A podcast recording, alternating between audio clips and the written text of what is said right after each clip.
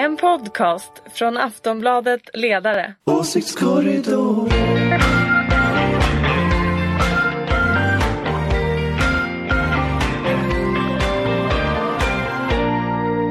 Välkomna till Åsiktskorridoren. Det är Aftonbladet Ledarsidas podd som kommer varje fredag. Och nu när vi spelar in det här är det fredag. Så det kommer läggas ut. Det var Karin Pettersson som lät. Hej. Hallå! Anders Lindberg.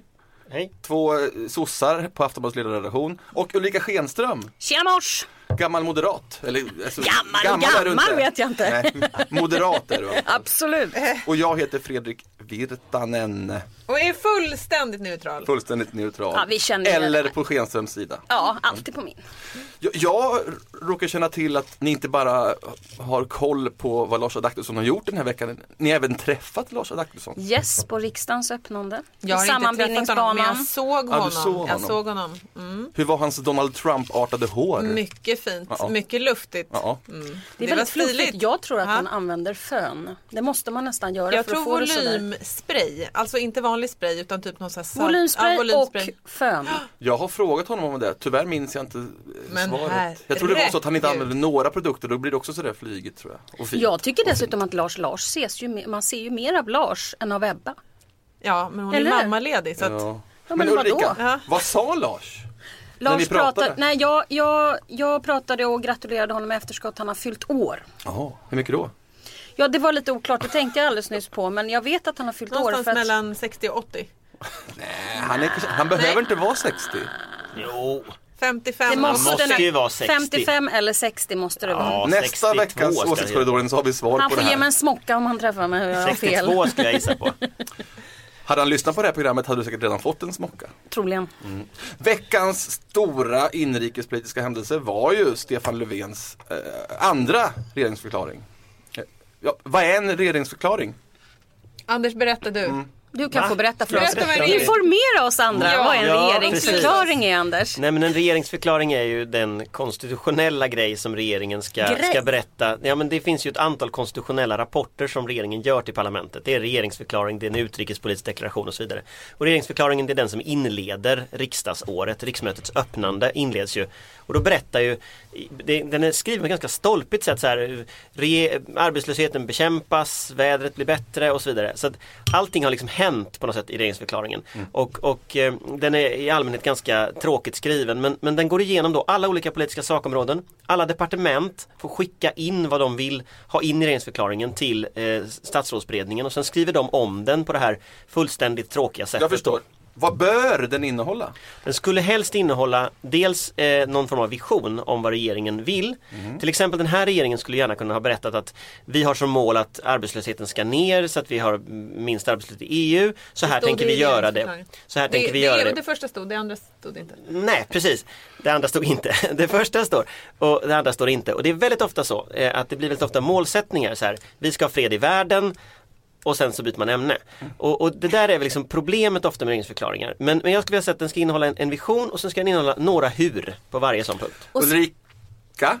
Ja, Jag skulle just ge dig ordet. Ja, och då fint. skulle du, försökte du sno det samtidigt. som jag skrev. tänkte, så nu, jag- nu, nu är jag inte säker nu på har att jag jag inte inte ger fått dig ordet. bråka Jag med har inte Anders sett på någonting. Nej, har inte. jättelänge. Nej. Men Ulrika, var det här en bra regeringsförklaring? Jag måste nog i och för sig säga att jag har aldrig varit med om en regeringsförklaring som är bra. Det, Det har är ju dödstråkigt. Jag har varit med om en som var bra. Men så här, jag har ju varit med och skrivit i alla fall eh, två regeringsförklaringar. Och ändå och- blev de inte bra. Nej jag tycker inte det. Nej, men jag tycker inte det. Vet ni varför? Och det beror på att allt ska med. Annars så sitter såna här dårar som vi och bara Det var inte med! De missar det här! Så att det blir ju liksom en soppa av allt Folk man kan tänka också sig. Men om vi ska vara lite regeringsförklaringar. Det är det mest irriterande som finns Nej, här. men nu De nämnde lite inte rolig. jämlikhet tre gånger och inte frihet en gång Nu försökte jag vara lite rolig Anders. Men om Du man ska vara lite seriös så skulle det ju vara bra i det politiska läge vi har oavsett om vi är socialdemokrater eller moderater eller någonting annat neutralt här så är det ju så att vi faktiskt har ett politiskt läge i det här landet som är helt förskräckligt om jag ska säga. Jag tycker att det är ett moras för närvarande om man tittar på, på, på mätningar och så vidare. Och vi har väldigt många problem att ta tag i både på kort sikt och på lång sikt. Och då på lång sikt kan vi ha en vision men här och nu finns det integrationsproblem som är gigantiska på sina håll i kommuner och så vidare. Så att det kunde man ju ha efterfrågat lite mer och det hade jag kritiserat även en alliansborgerlig regering för. Men- om men- de inte men- hade haft med. Men får jag bara säga en sak om det? För det, det här är ju, och problemet ofta med regeringsförklaringar är ju att de, de är ju, det är ju en organisationsprodukt. Ja. Och det finns inget integrationsdepartement som kanske skulle ha lyft den frågan utan där ligger hos Ylva Jag Johansson. förstår att du vill kritisera Och- detta. Nej, nej, men men alltså, det är larvigt det- att hålla på med formen. på- Utan nej, nu men är jag ute på efter det, liksom, För formen är väldigt bunden till de här skrivelserna. Och en av orsakerna till att de blir så tråkiga det är att det Stefan Löfven gjorde förra gången och den här gången det var att han höll sig väldigt strikt i formen. Och där tyckte jag Reinfeldt var roligare för att han släppte lite den här departementsordningen Mm. Ja, och liksom absolut. rockade till det lite och så körde så här liksom i politik. Men det går Men nu det handlar det inte kul. om formen utan Nej. nu är jag fortfarande på innehållet och om man inte tar ansvar för de problem som vi ser runt omkring oss som bostadsproblem, integrationsproblem för liksom hur man får ut folk på arbetsmarknaden. Ja, ni har hört mig förr. Jag vill ha f- reformer. Jag, ja, men jag håller med Karin. Ulrika här. Det är något konstigt i eh, det politiska samtalet just nu. Det är ju faktiskt så att vi har en ganska djup eh, politisk kris skulle jag säga i Sverige med en, ett eh, regeringsparti som har, ligger ofattbart uselt till opinionen. Vi har en opposition, om vi inte räknar Sverigedemokraterna, som det går ofattbart uselt för. Eh, med mycket svag ledning, man förstår inte vad de vill. Eh, och vi har ett eh, rasistiskt parti som ökar hela tiden i oppositionen. Vi har ett helt nytt läge med tre block istället för två i svensk politik. Och ändå är det som att liksom allting bara rullar på och man gör samma sak och det händer ingenting, ingen ny strategi. Ingen verkar liksom inse allvar, allvaret i den här situationen och det gör ju en bekymrad. Otroligt bekymrad och det, det är liksom, jag vet inte riktigt vad man ska göra mer. Jag menar varför blir de här människorna politiker? Man bör ju bli politiker för att man vill förändra och förbättra för andra människor och samhället. De här taktiserar sig igenom ett helt politiskt landskap. Ett kris, Sverigedemokrat- taktiserar sig genom ett krisläge. Ja. Det, passar sig Helt inte. sjukt. Om man får vara lite mindre dysterkvistiga så tycker jag nog också att det finns ganska mycket positiva saker i eh, ändå de, de, det som har hänt under senare tid. Alltså det är ganska många nya människor som har hänt även om sådana som Ebba Busch inte är med i det politiska landskapet än. De finns ändå där. Eh, vi, vi kommer nog att se, alltså vi, vi har sett tre allianspartier av fyra byta ledning efter valet. Eh, det kan nog hända en del spännande saker. Eh, flera av de ministrarna som finns i, i Löfvens regering är ganska spännande även om de verkar inte göra så mycket av det. Vem är Så- du Anders? Du är så Nej, positiv. nej men jag, jag, jag, undrar är lite han, positiv bor faktiskt. han här Jo, i jag landet tror att, eller har han kommit tillbaka från någon semester? eh, Ja det har jag i och för sig. Men, men Är det det här att du har börjat träna? Är det det? Det är alla endorfiner som snurrar runt. gnällspik. Nej men alltså jag tror faktiskt att, man, att det finns ganska många positiva saker och det går att göra något med detta. Problemet är att de, de, just nu så tar varken oppositionen eller regeringen riktigt chansen. Nej, men det jag Men, men det finns en massa spännande konflikter i den här regeringsförklaringen. Men det är lite kul när Fredrik säger så här, den största händelsen den här veckan är regeringsförklaringen. Och det tog en liten stund när jag kom på att ja men det är det ju.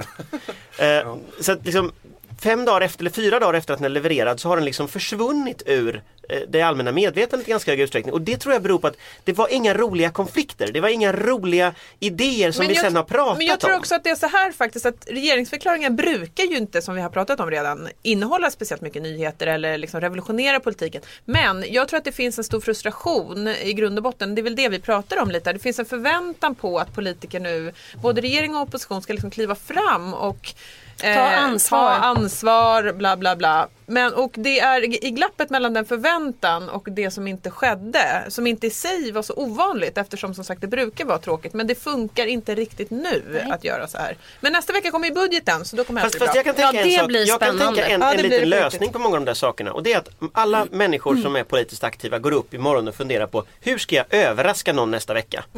Alltså, t- tänk om det var så. Mm. Och då menar, jag inte, då, då menar du inte överraska på något taktiskt jättetöntigt Nej jag menar sätt till exempel, i någon popcornversion bara utan ta, du menar Jag menar genom alla sorts överraskningar så här. Men, men ta, ta, ta, bara, ta, bara ett, ja, men ta, ta ett exempel. Tänk om Löfven i måndags hade sagt så här helt utan att diskutera saken innan. Jag tänker detta år lägga förslag om en fjärde pappamånad. Jag lovar att vi resten av den här veckan hade diskuterat Ja, för och absolut. emot. Alla debattprogram hade handlat om den här fjärde pappamånaden. Sverigedemokraterna hade skrikit, Folkpartiet hade fått hitta på en egen ny linje. Och det hade ju Alliansen varit väldigt, väldigt mycket Och bättre det hade än att hänt sitta och prata om depressionen. Ja, det hade Ja, varit mycket alla hade haft roligt. Men det var bara ett exempel. Tänk om alla politiker går hem, allians, opposition, eh, regering, Fast då you tog name ju it. du ändå en ganska så eh, viktig fråga så som föräldraförsäkringen. Ja, men- men det finns jag är ju rädd andra att det blir viktiga frågor. annat konstigt. Men det är bara eh, som ett exempel. Kommer. våga säga någonting som inte alla andra säger. Det, det händer roliga Fri saker då. entré på museum. Ja.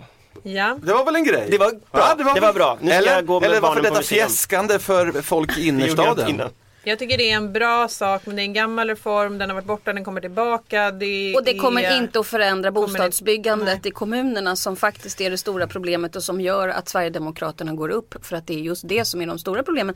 Men många små saker är också bra. Men eh, jag har sagt faran för det här med, med innerstan och eh, den, de människorna som bor här oavsett politisk färg. Att man inte har koll på hur det ser ut utanför. Schenström sa förut att det inte fanns några härliga för regeringsförklaringar. Anders sa att han hade en. Vilken är eran favoritregeringsförklaring för att runda av det här ämnet? Åh herregud. Nej, jag har ingen. Om man har en regeringsförklaring som en favorit då måste man det vara fel. Jag har Anders- två som Anders, jag gillar. Ja, här hade vi en Ja, jag minns en två som jag 62. gillar. Jag gillar den regeringsförklaringen som Göran Persson hade 97. I knew it att det skulle komma Eh, något sånt där. därför att då hade eh, dels reformerna kommit en bit med uppstädningen och ekonomin efter, efter Moderaternas förra lilla inhopp i, i politiken. Och dels började det faktiskt komma ut visioner ur den. Vi kan länka Eh, till den i Det eh, kan vi också göra. Den andra var, och Kan ni den, den hade en politisk taktisk Modern- orsak att den var rolig. Får jag bara säga- Nej, men det finns en annan som av en Men politisk Anders, taktisk... Anders, jag måste faktiskt säga en sak. För nu sa du att det var en regeringsförklaring från Göran Persson. Jag kan vara beredd att hänga på dig. Alltså, för att du vet, jag såg Göran Persson på tv igår morse när jag åt frukost och jag blev sådär, Det blev lugn. äntligen någon som säger något. Även om jag inte håller med Were honom så jag, jag älskar Göran Persson. Alltså jag bara gör det. Ja, det gör det. Får jag Vem, också- vem gör inte det? Jag får bara säga en, en annan regeringsförklaring, men det är mer av fort. taktiska skäl den är rolig. Det var 2002, efter valet. När miljöpartisterna hade bråkat så in i vassen. Alla förväntade sig att det skulle bli katastrof. Mm. Och vad gör Göran Persson? Ja, han går upp och håller en helt vanlig regeringsförklaring. Struntar helt och hållet i alla människor som har skrikit Men det och är ju väldigt och mycket struntar Göran Persson. Det är politiska därför vi läget. gillar honom. Och alla bara sitter och bara helt chockat Det här är det bästa tecknet på den politiska krisen, denna längtan efter Göran Persson. Ja, det är något sinnessjukt Ja, det är inte bra. Ja men det är verkligen det. Jag gjorde till och med en och uppdatering på. Facebook Det är igår om att han, att Ta han måste tillbaka komma Fredrik till Reinfeldt, ta tillbaka Göran Persson Nej, så blir det lite Reinfeldt. ordning Carl här Bildt igen. saknar jag lite också. Ja, Nu går Carl, vi vidare. Det här. Det Alla dessa härliga män. Alla dessa män och deras fantastiska eh, för- för maskiner. ta en kvinna- Tyst nu en- Anders, nu räcker Margareta det. Winberg Ja. tycker jag skulle komma tillbaka i svensk vi också, politik. absolut. Marita Ulvskog, Ja. Mona Sahlin. Bo Hökmark. Kom igen nu, Fredrik. Affärstidningen Dagens Industri kunde i Vem veckan, av, var tyst nu, vad kunde i veckan avslöja att näringslivsorganisationer som Företagarna och Almega i hemlighet träffat Mm. Sverigedemokraterna och fått dem att byta åsikt i frågan om vinster i välfärden. Alltså nu tycker SD att det är lika bra med vinst i välfärden som, som direktörerna. Eh, Aftonbladets ledarredaktion blev jättearga, LO blev jättearga och Mikael Damberg blev jättearg. En annan som blev jättearg, kan jag citera ur dagens eh, Dagens Industri, det är Marcus Storch, Nobelstiftelsens ordförande och en riktig Finding your perfect home was hard, but thanks to Burrow, furnishing it has never been easier. Burrow's easy to assemble modular sofas and sectionals are made from premium, durable materials, including stain and scratch resistant fabrics. So they're not just comfortable and stylish, they're built to last. Plus, every single Burrow order ships free right to your door. Right now, get 15% off your first order at burrow.com slash ACAST. That's 15% off at burrow.com slash ACAST. Eh, tolvtaggare i svensk näringsliv. Han säger så här. Kan man hålla fast vid att SD inte är välkomna om partiet får 20% av väljarstödet? Ja, det är inte procentsatsen som avgör. Det är partiets värderingar som avgör. De står inte för allas lika värde. De står inte för att man ska ta hänsyn till vad som sker i vår omvärld. De vill dela upp oss människor i ett A och B-lag. Detta är en moralfråga. Det sista Yes. det här. Eh, Den där Storch är ju... eh, Ja, så Fin kille. Jag vill Ja. säga så här att det här är en fråga med många dimensioner. Eh, och nu försöker liksom Svenskt Näringsliv snacka bort det till att så här, man ska kunna prata med alla och det är principiellt bla bla bla. Men vi kommer hela tillbaka, tiden tillbaka till frågan, eh, är Sverigedemokraterna ett parti som alla andra? Och där måste man ha en uppfattning. Sen håller jag med Ulrika om att man liksom, svaret till SD, för att möta SD är inte att liksom säga att de är rasister hela tiden utan det måste ske genom politik. Men man måste i dagens politiska landskap som människa och som samhällsmedborgare ha en egen uppfattning Yes. om vad detta är för parti. Och jag tycker det är Yes. strångt av denne, eh, denne superkapitalist. Marcus Storch, Ja, nej, men jag jag Men det, väl- men det är väl egentligen inget konstigt att Svenskt Näringsliv vill påverka ett riksdagsparti? Nej det är ju inte konstigt men, men jag tycker, ja, nu vet ju inte jag vad som har hänt och vad DI har fått det här ifrån och hur många källor de har fram Vi eller får väl tillbaka anta på det här. att DI vet vad de pratar om. Ja, eller, eller ja, men å andra sidan har jag inte pratat heller med de som har blivit eh, liksom som, som de här artiklarna har handlat om så det vet inte jag. Men däremot så är det ju så här att det är klart att man måste analysera Sverigedemokraterna. Eh, jag personligen eh, och av lätt insedda skäl, inte bara för att jag är moderat men också därför att ni också vet hur eh, obehagligt jag tycker att det här politiska landskapet är, skulle jag aldrig prata med dem. Men det är av mina högst egna värderingar. Eh, och så. Men det är klart att jag, jag sitter hela dagarna och det gör ju alla runt det här bordet också. Analyserar vad de är på väg någonstans. Vad de håller på med. Men det, och, och jag tycker att det är så obehagligt numera. För jag tror nämligen att det är väldigt, väldigt många som gör en jämförelse mellan SD och de andra populistpartierna i Norge och, och eh, Danmark.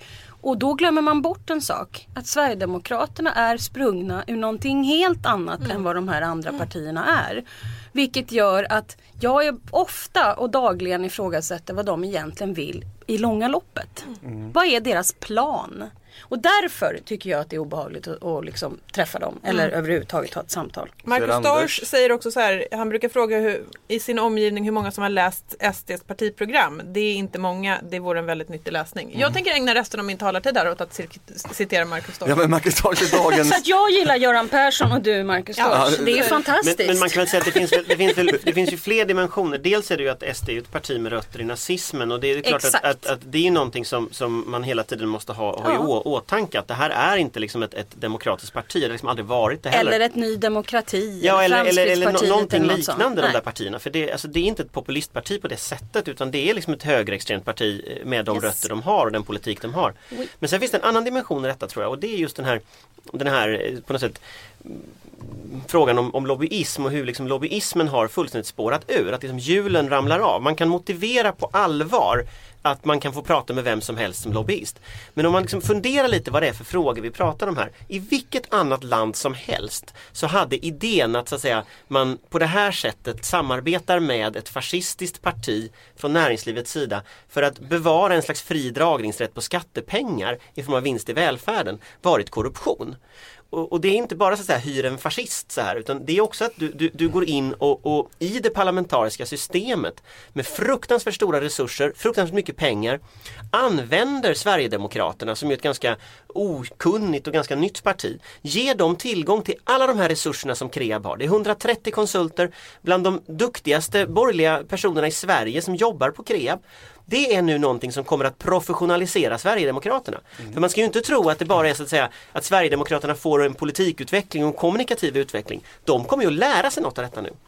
Och, och dels är det är väldigt nu korrupt och fick de dels är det ju 300 riktigt uppdrag farligt. bara för att du sa så. Nej men alltså det är ju sant. Alltså grejen är ju den att Kreab är ju väldigt, ett väldigt duktig PR-byrå. Annars hade de inte varit det, liksom Moderaternas inhouse på något sätt eh, PR-byrå på det sättet. Men, men, men, men det är också så att det är så många år av politisk och kommunikativ erfarenhet som Sverigedemokraterna nu får tillgång till. Att det Får, faktiskt får jag bara är säga en farligt sak på Anders, riktigt. jag håller, jag håller med dig i stora delar här. Jag vill bara berätta det för de som lyssnar att nej, Kreab har inte varit Moderaternas inhousebyrå sedan 2001. Bara så att du vet. Och Fast så de människor som sitter det. på Moderaterna kommer ju från den erfarenhet, även om Moderaterna Ja, ja, är men- före men 2001 så sluta är det en, larva. de är har hyggligt moderat. stor erfarenhet. De är mer eller mindre väldigt moderata. Tunga kan Ja. man väl säga men det finns ju många andra som jobbar där också. Men jag, jag vill bara säga så här, nyliberalen Fredrik Segerfeldt skriver på sin blogg här, vänsterns kommentarer kring kontakterna mellan näringslivet och SD är nog inte riktigt hedliga.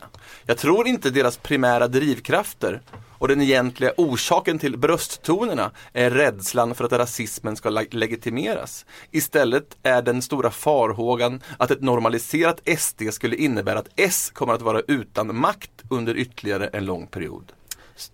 Fast det här- det här är ju men det handlar som- inte bara om S utan grejen är den att SD, om det normaliseras, jag menar bara den här grejen att de tog ut sitt eh, eh, ungdomsförbund som de uteslöt nu och liksom kapade banden till. Det är ju ett klassiskt sätt att liksom bli av med liksom eh, ja att man har massa fascistiska eller nazistiska eller rasistiska liksom åsikter och visa upp det på något sätt. De har uteslutit andra människor som har sagt väldigt konstiga saker. Det här är ju någonting de har hållit på med hur länge som helst och jag menar det här är inte bara farligt för, Sverige, för Socialdemokraterna. Det är, ju, det är ju farligt för alla demokratiska partier liksom, och alla partier i hela Sverige. Som marginaliseras varje dag. Jag skulle vilja detta. svara Fredrik Segerfeldt. eh, Jag, jag, utifrån mitt perspektiv, han har helt fel. Jag skulle varje dag i veckan ta en, en borgerlig regering över en, eh, över en rödgrön. Eh, Mm. Om vi slapp Sverigedemokraterna. Men problemet i, problemet i botten här ju handlar ju om att det från högern är en parlamentarisk strategi som, han, från, som handlar om att göra SD till liksom Delar av högern. delar av högern. Och jag tycker den trade-offen som man gör, jag skulle inte göra det, aldrig för maktens skull. Och jag tycker inte de borde göra det heller. Jag, för min del, det där, den beskrivningen som Fredrik Segerfeldt gör, jag tycker den passar mer in på många av dem nu som försöker normalisera SD från höger än varje fall inte på mig. Jag skulle gladeligen göra det bytet. Jag tycker det var lite oväntat för att komma från Segerfeldt för han är ju en stor motståndare till SD. Han är ju på den eh, Han är också en stor- ljusblå Han är också en mycket av- stor sosse och LO-hatare. Ja, jag tror ja att det är den liksom, Det är snarare den reflexen reflexen som som slår till. Storbritannien måste vi prata om nu då, för nu har ju de fått en, eh, en stjärnfotograf. Nej, det skämtet är inte kul. Jag tycker bara det är jag Nej, som tycker det är det är roligt. inte kul. Nej. Labour har eh, valt den 66-åriga Jeremy Corbyn eh, till ny partiledare. Och eh, ja, han beskrivs som jättevänster kan man väl säga. Han tycker att eh, Storbritannien ska lämna NATO och järnvägarna ska socialiseras. Jag tycker han eh, verkar toppen men ni Du skulle verkar ju ju vara bara på Ulrika. Schenströms sida.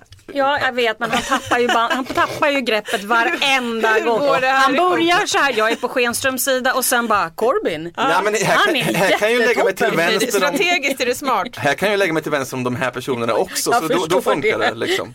Ja, han låter toppen, varför hatar alla honom? Det var någon som sa att det vore ungefär som att Per Gahrton hade blivit eh, partiordförande för Socialdemokraterna. Jag tyckte det var Jag en tror bara det, det är ganska jämförelse. otippat och sen, men sen får man ju säga det är ju väldigt många runt omkring i hela världen nu. Det är ytterligheter överallt.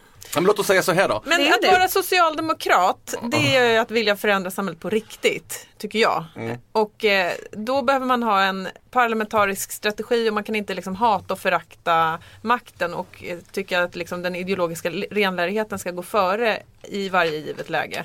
Och det är väl någon slags sån här grundkonflikt hela tiden i, i politiken och inom vänstern. Ska vi, liksom, ska vi kompromissa? Ska vi försöka vända oss till breda grupper eller ska vi för, bli smalare och smalare och mer ideologiskt renläriga? Och därav kanske någon slags eh, eh, kritisk hållning till denna kår. Men, hur- men kan, kan man inte se det här som en större trend? Jag menar, Jo, det kan man. eh, vi har Bernie Sanders i USA som socialist som går ganska bra för. Vi har Trump också som det går bra för. Som Alltså, ligger högst i mätningarna, helt Jag bisarrt. vet, jag vet. Det kan vi prata mycket om. Men alltså det finns en sug efter extrema positioner. Eh, jag tror att det idag. finns Jo men det var det jag sa, alltså det är liksom extremer. Alltså det är ju samma sak som att Sverigedemokraterna går framåt här. Det är ju jätte, jätte, jättemärkligt att alla ytterligheter på något sätt. Eh, kanske. det, finns det inte ett sug efter äkthet också? Att, att på något sätt. På något Att liksom man uppfattar folk som så mediatränade och alla säger rätt Exakt sak och så så. kommer det en massa människor som bara är sig själva. Så här. Nu, nu ska inte jag vara sådär jobbig men kommer ni ihåg hur många gånger Ja, jag har jag sagt kommer ihåg det, att vi kommer att få se liksom politiker som inte är den där typen som är det finns inget dåligt väder, bara dåliga kläder. Så här man liksom bara inte orkar med. Som liksom är talepunktstuggande dårfinkar. Ser du någon sån? Eh, Överallt! vem, vem blir Sveriges Corbyn eller Trump? Förutom SD då. Men det måste ju dyka upp någon på höger Jag kan eller inte se vänsterkanten. någon än men det måste komma någon som är på någon som är lite mer så här otvättad, säger som det är. Fredrik som den själv... Federley kanske. Nej det tror jag inte. Men låt mig fråga så Jag här trodde du då. skulle säga Fredrik Segerstedt. Nej, men nu släpper vi herr Segerstedt. Då kan jag fråga så här då. Hur kan en person som media och politiska motståndare beskrivit som en jätteknasig kan vi väl säga då, då bli partiledare för ett stort klassiskt europeiskt parti? Ja, i det brittiska hände, fallet var det ju att de gjorde om sitt eh, val, alltså hur man väljer partiordförande. Mm. Och eh, man jo, gjorde direktval, vilket man kan tycka är demokratiskt och bra. Men eh, det är ju 200 000 tror jag ungefär som röstade i det här eh, partiledarvalet. Och det kan man tycka är många men det är en ohyggligt liten andel av den brittiska väljarkåren. Ja. Så det är ju en förklaring. Men sen tror jag att det ligger mycket i det här med en längtan efter antipolitik, efter äkthet. Vi har haft stora kriser, vi har en klimatkris som politiker, politiken inte kan hantera, vi har haft en finanskris som politiken inte lyckas hantera. Vi har liksom stora eh, samhällsomvandlingar som och ett politiskt system som många gånger uppfattas liksom handfallet inför det här. Då, det finns en längtan efter någonting annat. Ja. Raka besked. Straight, jag tror verkligen på det här äktheten oavsett vad man står för. Alltså oavsett vilken typ av politisk. Ja. Att men, folk som tar lite plats säger som de tycker att det är och verkar vara sådana på riktigt. Finns det inte också någonting i det där med att man måste få drömma? Att liksom den här invändningen, ja men det går ju inte. Den har, liksom, den har liksom slutat gälla. Ja men den har slutat gälla för ganska stora grupper av människor. Och, och, och jag, menar, jag tror till exempel Fi som var, var ett ganska bra exempel på samma sak som Corbyn. Men skillnaden är att i, i brittiska Labour, och det, det, tror jag är en viktig skillnad där. I brittiska Labour så det finns inget vänsterparti i Storbritannien. De människorna som är vänsterpartister, de är med i Labour. De som är, är, är så att säga, på vänsterkanten i Vänsterpartiet i Sverige, som Corbyn förmodligen skulle varit då. Eh, de är ju medlemmar i Labour. De kan med hjälp av massa människor som inte ens är med i Labour eftersom massa andra fick rösta som en sån här kampanj. Mm. Ungefär på samma sätt som FIs kampanj var väldigt effektiv i att sätta bilden i medierna. Den var väldigt effektiv i att sätta liksom i en mindre grupp människor eh, fick man igång liksom aktivisterna. Och, och, där har man, där har man så att säga släppt den här kopplingen till liksom den här riktiga politiken ska gå att genomföra. Jag tror liksom. så här, om folk tro, ändå inte tror att politiker kan göra någonting Nej. då kan vi lika gärna ta någon som i alla fall verkar ha liksom mm. riktigt, verkar vilja, något. verkar vilja någonting. Det, det är i alla fall allmänt det. en världsomspännande media och politi politikerförakt. Och det är precis lika som, alltså.